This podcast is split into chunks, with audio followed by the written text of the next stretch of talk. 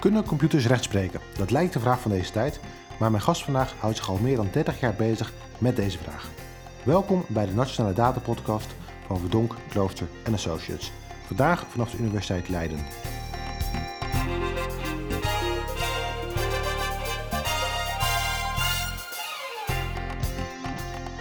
Welkom bij de Nationale Data Podcast, de podcast met inspirerende gasten en inzichten over het gebruik van data, algoritmes en artificiële intelligentie in de publieke sector.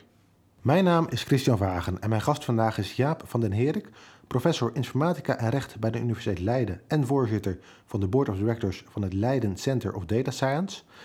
Daarnaast aardig om te noemen, bent u ook betrokken bij de werkgroep Artificial Intelligence van de SCP, lid van de innovatiecommissie van JNV en medeoprichter van de Nederlandse Vereniging voor Kunstmatige Intelligentie. Welkom. Dank u wel.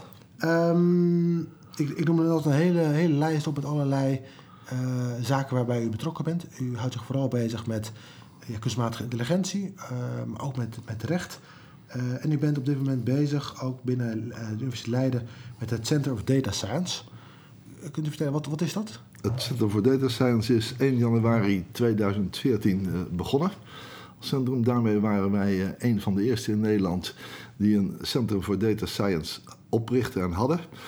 En uh, dat was eerst bedoeld voor natuurlijk de informatica, of eigenlijk voor de, uh, voor de wiskunde en natuurkunde faculteit. Maar met de bedoeling om samen te werken. En ik was al sinds 88 hoogleraar bij de rechtenfaculteit. En ik had in 91 iets gezegd over kunnen computers recht spreken. Dus het was volledig logisch dat ook daar die data science naartoe ging. Dus dat dat ook een van de onderdelen van het Leiden Center of Data Science zou worden. Maar niet alleen die, ook zeg maar LUMC. Mm -hmm. Die doet natuurlijk heel veel aan die ontwikkeling. En dat betekende dat ze dat eigenlijk, en dat is de stap die Leiden op dat moment zette, multidisciplinair wilde doen. Het is geopend door Prins Constantijn. Ja. En daar waren we dus heel blij mee. Het was op uh, 4 september uh, 2014. Want ik begon natuurlijk 2014, maar je moet eerst de zaak opzetten. Maar er is een geweldig enthousiasme daaruit ontstaan. En dat is er nog steeds. Wat gebeurt er allemaal? Nou, op het ogenblik, ja nee, er gebeurt van alles. Wij geven een nieuwsbrief uit, wij hebben promovendi, wij uh, organiseren uh, bijeenkomsten, wij ondersteunen internationale uh, bijeenkomsten. wij zijn bezig, zeg maar, op dit moment met een Executive Master Legal Intelligence. En dat doen we samen met de gemeente Den Haag, met, met name met Saskia Bruines en met zeg maar, het ministerie van Justitie en dat is met Hugo Hillenaar. Hugo Hellenaar is, zeg maar, was eigenlijk de beoogde voorzitter van onze raad van uh, uh, advies. Mm -hmm. Maar die wordt dus nu hoofdofficier in Rotterdam.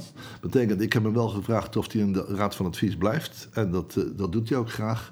En we krijgen nu dus een, ander, een andere voorzitter. Daar ga ik aanstaande vrijdag mee kennismaken. En nou, dat is eigenlijk zeg maar wat, dat is ons speerpunt op dit moment. Oké. Okay. Mooi, mooi, mooie initiatief ook. Ja. Ja. Um, ja, goed, en het past mijn verlegenheid in het, in het straatje. Want u zei net al heel kort even over, goh, u heeft daar al eerder veel dingen over geschreven. Uh, u bent vooral betrokken, op het, op het, althans, betrokken bij het vraagstuk van uh, data science, kunstmatige intelligentie. Uh, al vanaf de jaren zeventig las, las ik. Dat klopt. Oorspronkelijk begon ik zeg maar met mijn hobby.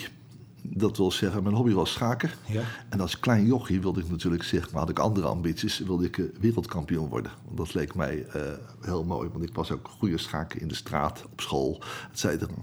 En zeg maar ook nog in de club. Maar ik had één gelukje. En dat geluk was dat ik samen met Timman in het team speelde. Ja? Mm -hmm. En wij speelden natuurlijk ook onderling. En ik zag dat hij het altijd beter zag en sneller, sneller zag dan ik. En ik kwam er ook wel op in diezelfde. Maar was gewoon beter. En daar kun je lang of kort over praten. En dat is dus eigenlijk mijn geluk voor mijn carrière geweest. Want toen dacht ik, ja, ik kan wel blijven, maar wat ga ik eigenlijk bereiken in het schaken? Ja? En toen dacht ik, weet je, laat ik eerst mijn studie maar eens afmaken. En laat ik dan maar eens kijken wat ik daar kan doen. Ik deed wiskunde. Ja. En uh, toen ik dat gedaan had, toen mocht ik nog even aan de universiteit blijven als medewerker. Toen mocht ik onderzoek starten. Toen ben ik daarna naar Delft gegaan. En toen dacht ik op een gegeven moment, weet je... Want er waren de, ik ging, rolde door van de wiskunde naar de informatica. Naar de, eerst naar de toegepaste wiskunde, toen naar de informatica. En toen dacht ik, weet je, ik kan misschien van mijn hobby mijn beroep maken... doordat ik iets ga doen op het gebied van computerschaak. En toen ben ik dus op een natuurlijke manier ben ik de computerschaak ingerold. En dat was natuurlijk zeg maar, het begin van de kunstmatige intelligentie. Want mensen dachten dat die computer, met name bijvoorbeeld Donner, die dacht dat die computer helemaal nooit sterk zou kunnen spelen. En daar heb ik dus zeg maar, nog een eh, discussie mee uitgevochten op de achterkant van de NRC.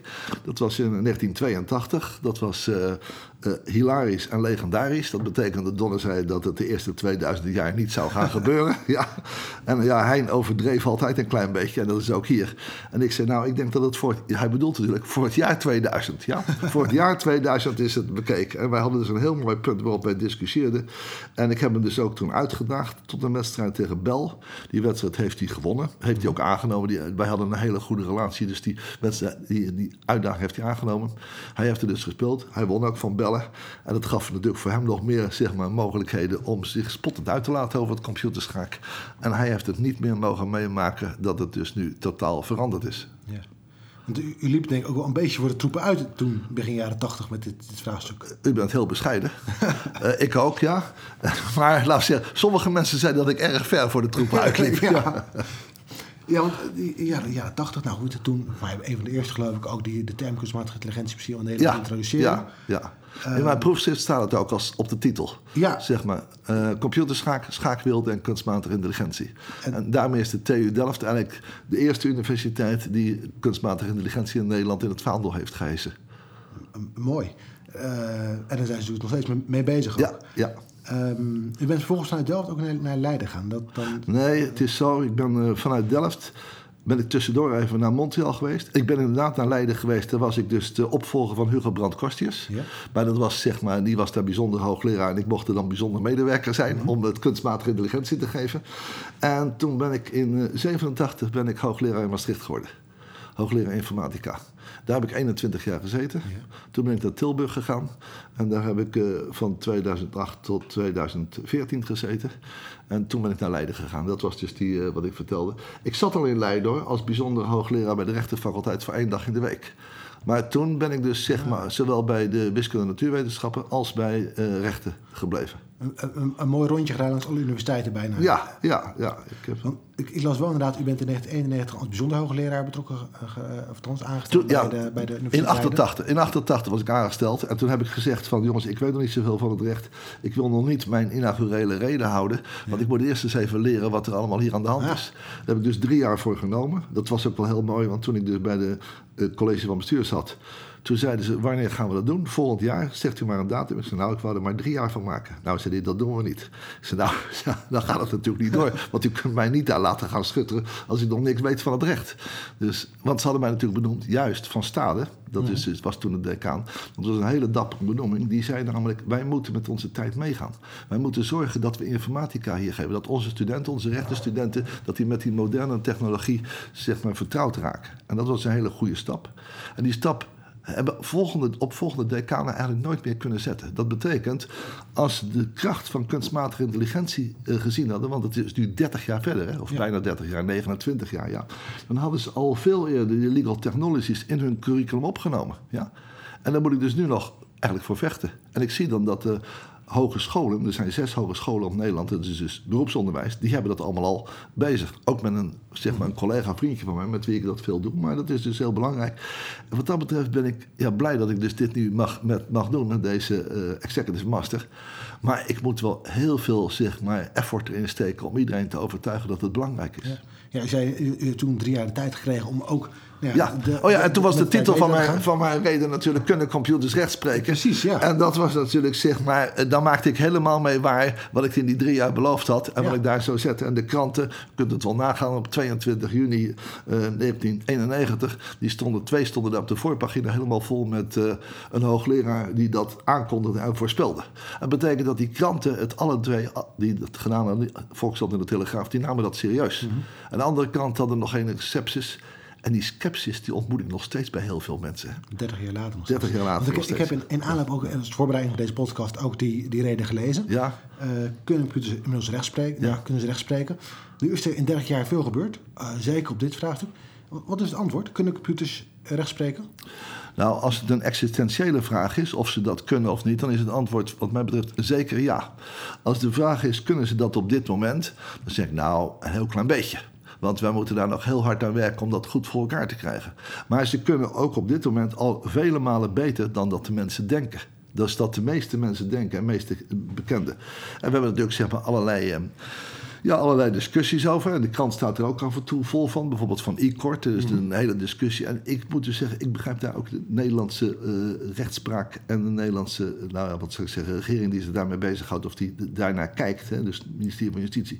Die moeten denken van, weet je, we moeten dat beter kanaliseren. We moeten dat beter opvangen. We moeten zeg maar de, de moderne technologie, de wetenschap, de wetenschappelijke ontwikkelingen, die moeten we op de een of andere manier uh, meer steunen. Ik kan me best voorstellen dat hun kritiek, dat dat hout snijdt en dat we zeg maar, dat op een andere manier moeten, moeten aanpakken. Ja. Daar, ben ik, daar ben ik helemaal heel goed. Maar dat moet je dan ook zeggen. Maar je moet niet een gevecht aangaan met een, met een andere partij. En zeker niet met de wetenschap. Nee. Want hoe, hoe zouden ze het meer kunnen steunen? Nou, door bijvoorbeeld, nou, ze steunen mij al. Persoonlijk steunen ze mij nou niet zozeer persoonlijk, maar de universiteit of de mhm. ontwikkelingen. Want ik zie mij niet als persoon, maar ik zie mij als vaandeldrager van uh, de legal technologies. Uh, steunen zij heel goed, want het ministerie die doet dus uh, mee met de ontwikkeling met die executive master. Ja? Mhm. Met name een compliment voor Hugo Hillenaar, die dat binnen het ministerie doet, maar ook de andere mensen van de ministerie, tot minister Dekker, et cetera, toe.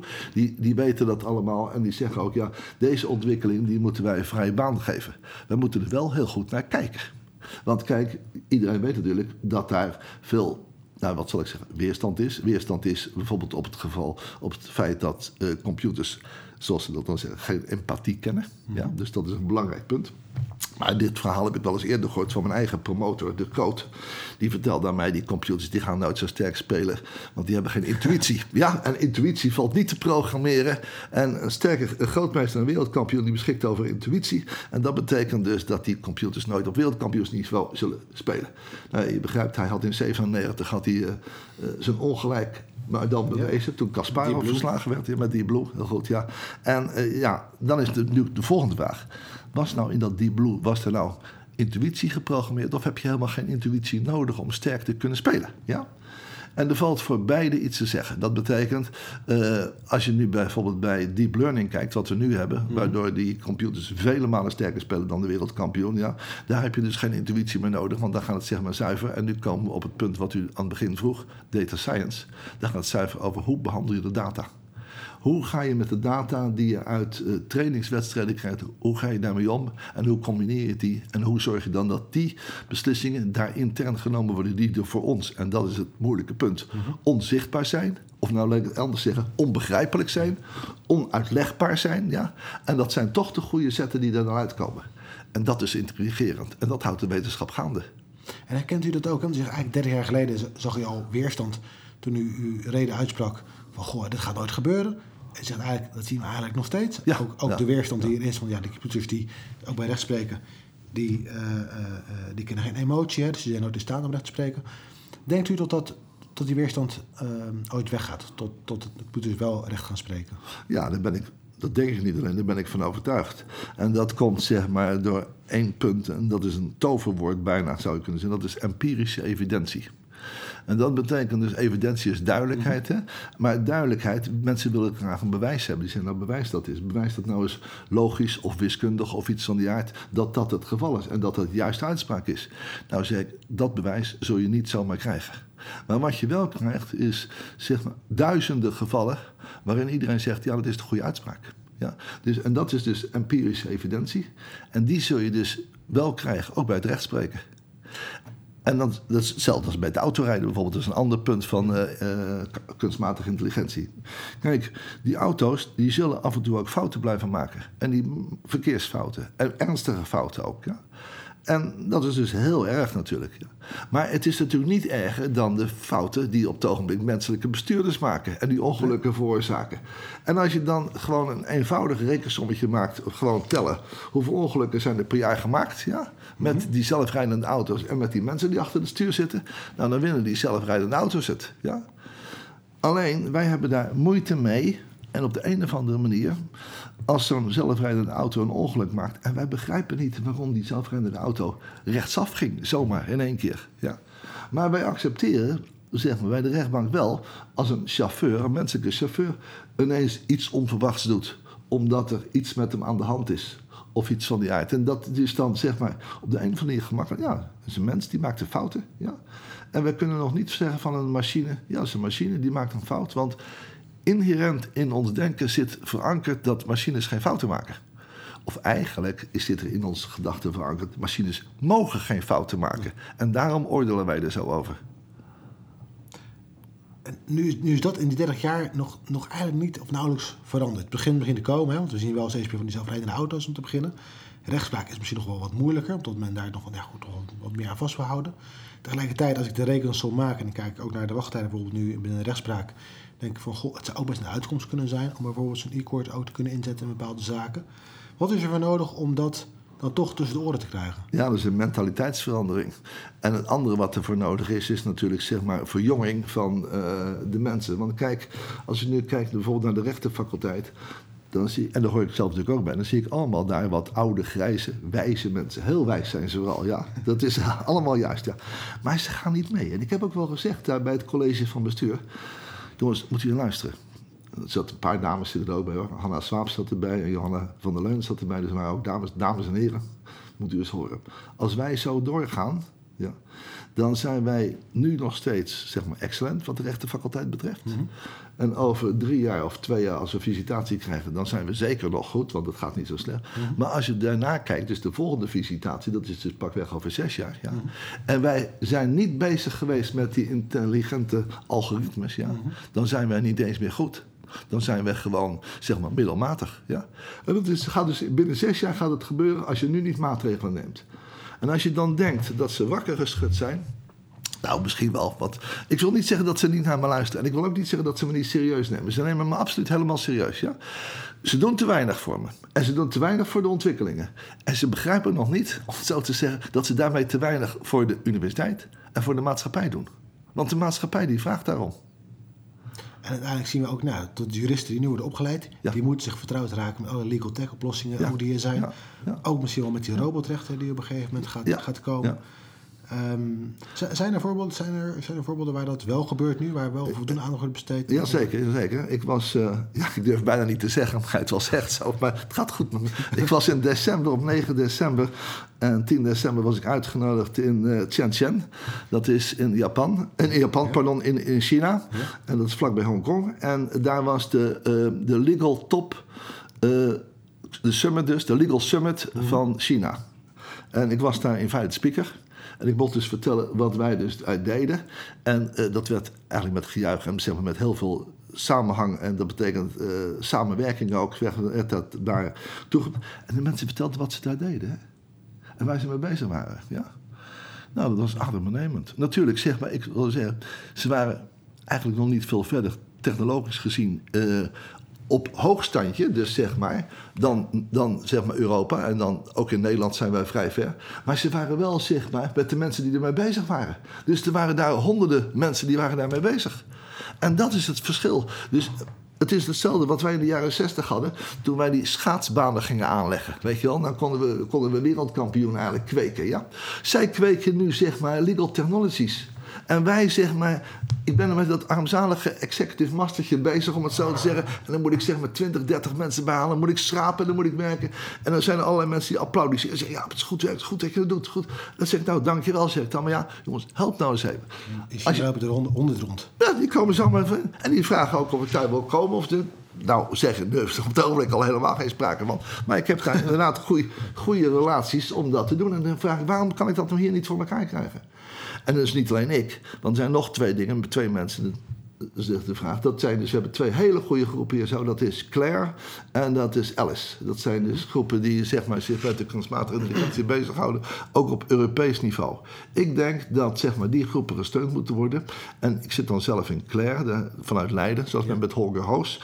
En eh, kijk, als hij zeg maar, dat voor elkaar krijgt... dan zou ik graag zijn legal technology poot willen steunen. En trouwens, hij zou mij weer graag willen steunen met... eh, eh, machine learning, want hij is een expert in machine learning. En je begrijpt dat dat hebben we dus heel hard nodig bij die, eh, bij die jurisprudentie. Want vanuit die jurisprudentie moet je dus zien dat je dus door machine learning dat je nieuwe gevallen kunt beoordelen en op een redelijke manier of op een zeg maar rechtvaardige Wat manier. is, wat is daarvoor nodig? Want ik hoor eigenlijk ook zeggen van, goh, we hebben als, misschien als Europa, of als Nederland in ieder geval ambitie ambitie. We hebben tegenwoordig een, een Europese AI-strategie. En Ja. sinds, sinds eind vorig jaar hebben we ook een Nederlandse AI-strategie. Met Je heel bent, veel mooie goed, je bent goed op de hoogte, zal ik maar zeggen. Eh, ja? ja, ja. de NLAIC. eh, Precies, maar tegelijkertijd, er staan natuurlijk hele mooie ambities staan erin. Maar ik hoor je ook zeggen van ja, je- in de praktijk blijft het gewoon ook nog bij elkaar schrapen van resources, bij van, Ja. mensen. Ja. Wat is er nou voor nodig om echt die slag te maken, om echt die ambitie die we hebben rondom AI te gaan verwezenlijken? Nou, dat zijn twee dingen. En het eerste ding staat zeg maar eh, ver boven het tweede ding. Ja? Het eerste ding is geld. Mhm. En eigenlijk is het geld, geld en geld. Maar het tweede is enthousiasme, enthousiasme en enthousiasme. Ja? Enthousiasme bij wie? Bij de jeugd, bij de mensen, nou eigenlijk dus bij de trekkers in eerste instantie. Ja? Dus er moeten meer, nou en ik kan er wel een aantal mensen noemen, maar ik bedoel, dan vergeet ik misschien iemand, dus ik noem niet al te veel mensen. Maar er zijn in Nederland zijn er heel veel AI-onderzoekers die fabelachtig enthousiast zijn en die er helemaal voor gaan. En als ik heel veel noem, dan zeg maar, dan kan ik zo al 40 mensen noemen die dat allemaal, die dat allemaal in zich hebben. Ja? Maar die moeten meer gesteund worden. Want als we nu kijken dat we in Europa, zeg maar, dan wil de Europese Commissie, die wil daar, eh, ik geloof, 20 miljard voor opzij zetten. Ja? Per, per, per jaar. Ja, per. Nou, dat, is natuurlijk, dat lijkt dus heel wat. Ja? Maar als je dat verdeelt over die landen, ja? dus dan begrijp je als er 27 landen zijn, dan is het nog niet eens 1 miljard per, eh, per, per land, zal ik maar zeggen. En als je dan zo'n land, als je een klein land als Nederland hebt en je hebt dus 1 miljard, ja, nou, Dan gaan we niet meer winnen. dan gaan we natuurlijk niet, niet nee, dat begrijp je. Dan kun je nog geen gebouw van, nou wel voor dat 1 miljard, maar niet zoveel gebouwen als er, als er zijn die, die dat moeten doen. En dan inrichten en dan zeg maar die mensen opleiden en trainen, et cetera. Dus wij zijn allemaal nog steeds koopman. Ja, en daardoor, dus omdat we te veel koopman zijn, ja, kopen we niet goed in, zal ik maar zeggen. Volgens mij een hele mooie oproep ook, eh, ook, ook in deze podcast. Om, nou, voor enthousiasme ook, maar ook om na te denken over... God, investeren eigenlijk wel genoeg in dit, in belangrijke vraagstuk. Ja, ja. Ehm, nu, dat laatste wordt soms moeilijk. Dat eerste proberen we met deze podcast een bijdrage te leveren. Om mensen enthousiast te maken ook voor dit vraagstuk. Ja, En ook voor ja. het belang van dit Ja, vraagstuk. ja. Eh, door mensen zoals u ook in deze podcast uit, eh, uit te nodigen. Maar ook door het na te denken over... Goh, wie zouden we nou nog meer in zo'n podcast moeten vragen? En nu komen ook aan het einde van deze podcast. En zoals u weet stellen we dan ook altijd de vraag. En heeft al een aantal mensen genoemd. eh, eh, Maar de eerste die ik zou willen noemen, die heb ik nog niet genoemd, dat zou James eh, Lovelock zijn. Ja. En James Lovelock, ja, dat is een, een chemicus. En die is beroemd geworden in 1979 toen hij zijn boek Gaia schreef. En Gaia, dat was dus eigenlijk een boek dat over de wereld gaat, hè? over de aarde gaat. Ja. En hij zei dus, kijk, al die stoffen die wij aan de aarde ontlenen, ja, die mist de aarde. En op een gegeven moment, die fossiele, fossiele brandstoffen bijvoorbeeld, hè, die mist de aarde op een gegeven moment. Op een gegeven moment keert de aarde zich tegenover ons. Dat betekent, hij was dus de aankondiger van de milieueffecten en ook van de klimaateffecten. En hij heeft dat dus helemaal geschreven. En geloof het of niet, vorig jaar heeft hij een boek geschreven, vorig jaar juli. En dat is in februari van dit jaar is dat vertaald. En dat heet Nova Scene. En Nova Scene, dat is dus het Nova nieuwe dingen. En Scene is van Pleistocene en dan Anthropocene, et cetera. Dus dat is het tijdperk. En hij zegt, kijk, dat Nova Scene, dat betekent het volgende. De aarde verzet zich zodanig dat, en ik noem geen tijd, zei hij... maar op een gegeven moment, zullen, net zoals de klimaatmensen zeggen... zal het water zeg maar zo ver hoog komen... dat de Nederlandse kustmensen, die moeten naar Amersfoort gaan verhuizen. Ja?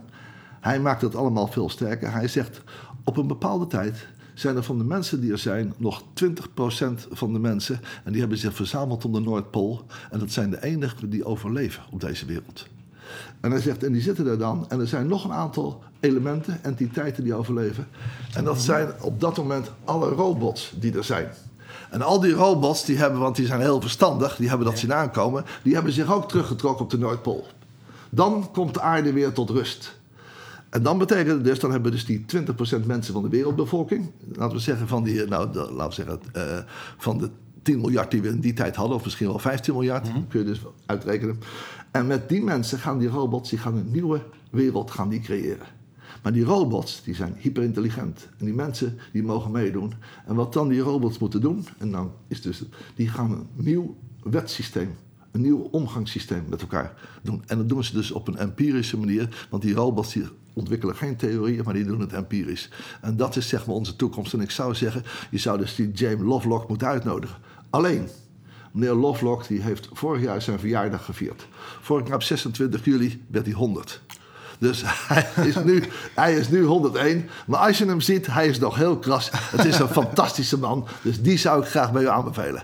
En als u die niet noemt, dan noem ik de twee trekkers van uh, de twee uh, ster-situaties die we hebben. Dat is Claire en dat is Alice. En dat zijn dus uh, Holger Hoos en Max Welling. Drie hele mooie suggesties. En het boek, ik ben geïntegreerd door het verhaal van het boek Duo.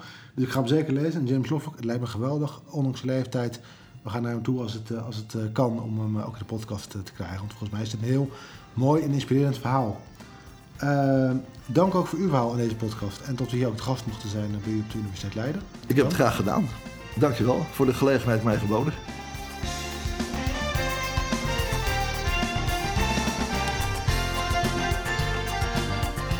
Hiermee zijn we aan het eind gekomen van deze aflevering van de Nationale Data Podcast. Bedankt voor het luisteren. Abonneren of terugluisteren van alle afleveringen van de Nationale Data Podcast kan via iTunes, Spotify of je favoriete podcast app. Tot een volgende keer.